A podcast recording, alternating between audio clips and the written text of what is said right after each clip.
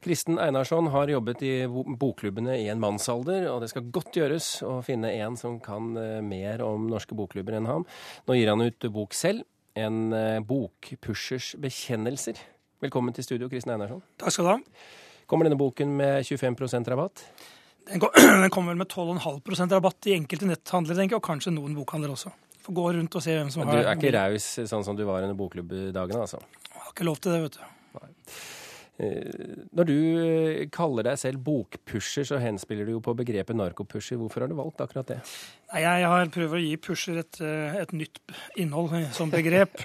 og det er fordi at vi, vi, har blitt ansett som de som har pushet bøker på det norske folk. Jeg har ofte fått spørsmål om om ikke jeg føler ansvarlig for mange uleste bøker rundt i norske hjem. Og da har jeg alltid lykkelig svart at det tar jeg ansvaret for, og jeg er veldig glad for at de er der. En vakker dag så blir de plukka ut og lest. Du tror det? Jeg tror det. Du har jobbet med norske bokklubber siden 70-tallet. Hvorfor ville du skrive denne boken? Jeg, jeg gikk av med pensjon for uh, vel et år siden, og uh, da hadde jeg uh, bestemt meg for å jobbe med fem Jeg hadde en liste på fem prosjekter jeg hadde lyst til å jobbe med. Og det var aldeles ikke bok, og i hvert fall ikke bok om dette.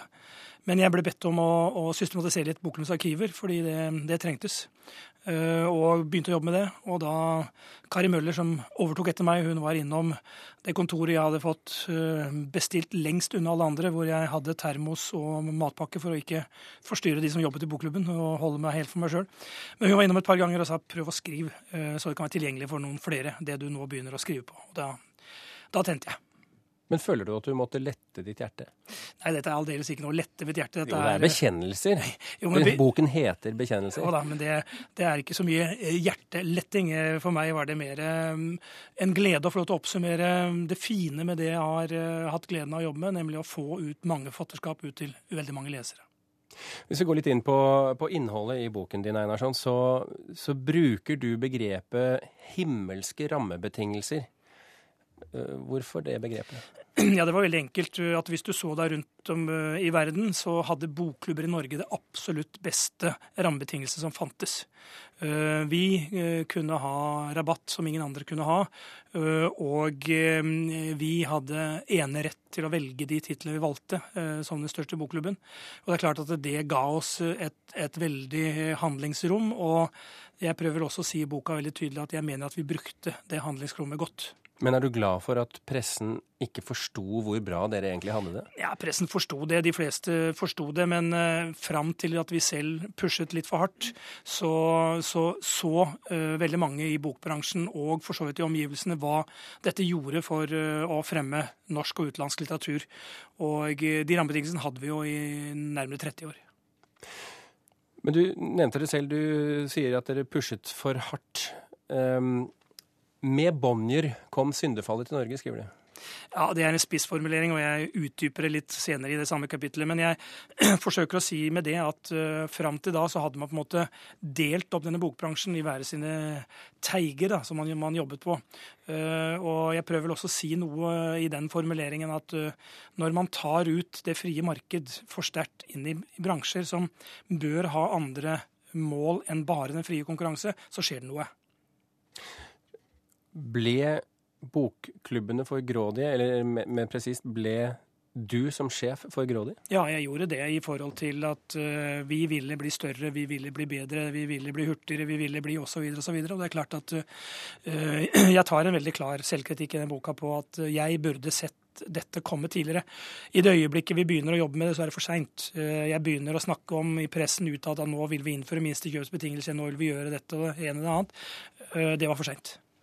Men, men, betyr det rett og slett at dere blir felt av deres egen suksess? Ja, det er det jeg forsøker å beskrive, og det er uh, alltid skummelt. Uh, det er to måter man kan snuble på. Det ene er det, og det andre er at man ikke følger godt nok med i timen når noen blir overkjørt av noen.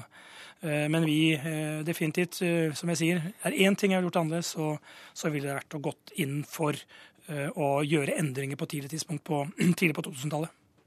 Eh, man får inntrykk at du gjennom de siste 35 årene har elsket bokklubbene, har du det? Jeg har først og fremst elsket bøker. Eh, og så har jeg eh, vært svært glad i forfattere, og så har jeg elsket bokklubb som system for å forene leseren og forfatteren. Men dere har jo skaffet dere veldig mange fiender underveis også, og til slutt så, så var jo alle eh, som var uenige med Stadig flere som var uenige med dere, med på å felle bokklubben som system. Er du venner med disse menneskene nå igjen? Jeg, jeg, beskriver vel dette også i boka, om dette med å, å I det ene øyeblikket så, så, er, så, er, dine gamle venner fiender, og, og fi, tidligere fiender blir venner. Og at man spiller på ulike laghalvdeler i ulike deler av matchen. Ja, det er vel bare ett sted i boka jeg eh, viser en frustrasjon over noen. Men uh, stort sett så har jeg et greit forhold med de fleste som jeg har uh, konkurrert med gjennom tidene. Og nå er du direktør i Forleggerforeningen. Hva mener direktøren i Forleggerforeningen om dagens bokklubber? Direktøren i Forleggerforeningen behøver ikke å mene noe om, om bokklubbene. Direktør i Forleggerforeningen han skal mene noe om forleggerne og hva som er forleggernes rolle. Så jeg har vært veldig nøye på dette. Eh, jeg har måttet si da jeg ble bedt om å gå tilbake og gjøre en jobb i bransjen til de to som ansatte meg, nemlig eller det var tre, da. Men to av dem var leder og nestleder i Forleggerforeningen. Så måtte jeg si, mine herrer, jeg har omtalt dere begge ikke like pent i boka mi, bare så dere vet det, men dere får ikke lese. Kristin Einarsson, tusen hjertelig takk for at du kom til eh, Kulturnytt. Eh, Agnes eh, Moxnes, NRKs kulturkommentator. Einarsson kaller altså dette en bokpushers bekjennelser.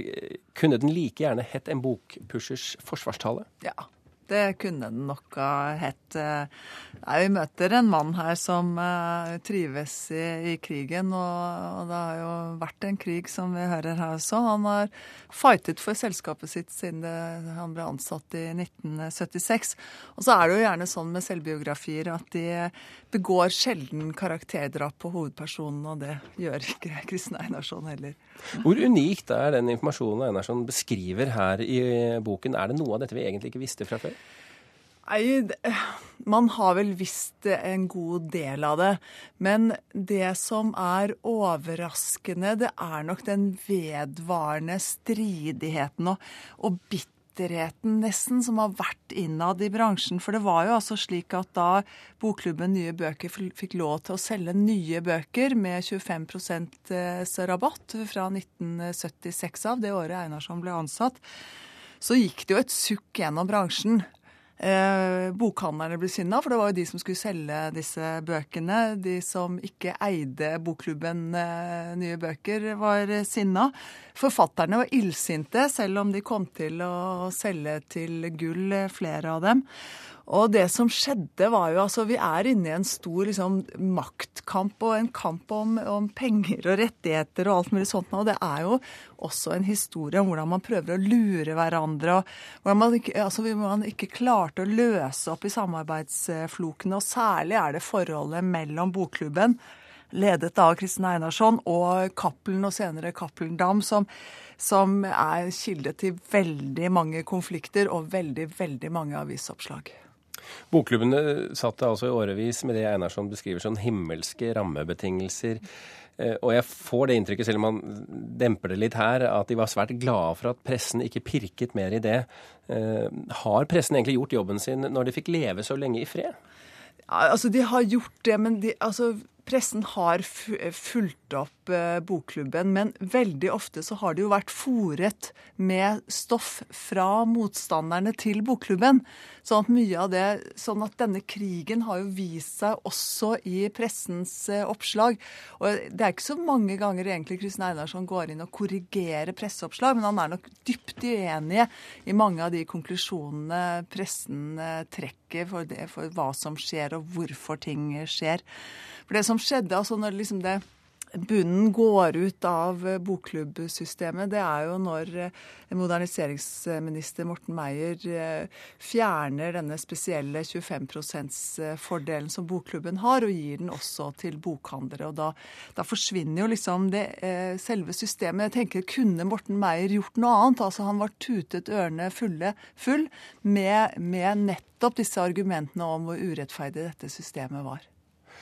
Eh, han avslutter dette eh, forsvaret av bokklubbene som, eh, hvor han forsvarer det som et folkeopplysningsprosjekt. Var det det, og til dels er det det? Ja, Folkeopplysningsprosjekt. altså det er, det er klart Kjartan Fløgstad eksempel, har jo solgt mange flere bøker gjennom Bokklubben Nye Bøker, eller Bokklubben, Bokklubbene, enn han ville gjort uten hjelp av Bokklubben.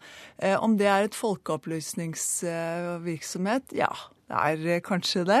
Eh, men det som er helt sikkert, det er jo at Bokklubben har solgt kvalitetslitteratur. Og når man leser boka til Kristin Einarsson, så er det jo begeistringene hans for litteraturen som ligger i bånn, og som gir et hjerte til denne boka. Eh, og vi snakker om en bokklubb som hadde 750 000 medlemmer i 2003, og det er jo helt sinnssykt i et sånt bitte lite land som Norge. Men det er en tid for alt, som det heter i Bibelen, og det gjelder jo faktisk for bokbransjen også. Agnes Moxnes, tusen hjertelig takk for at du kom til Kulturnytt.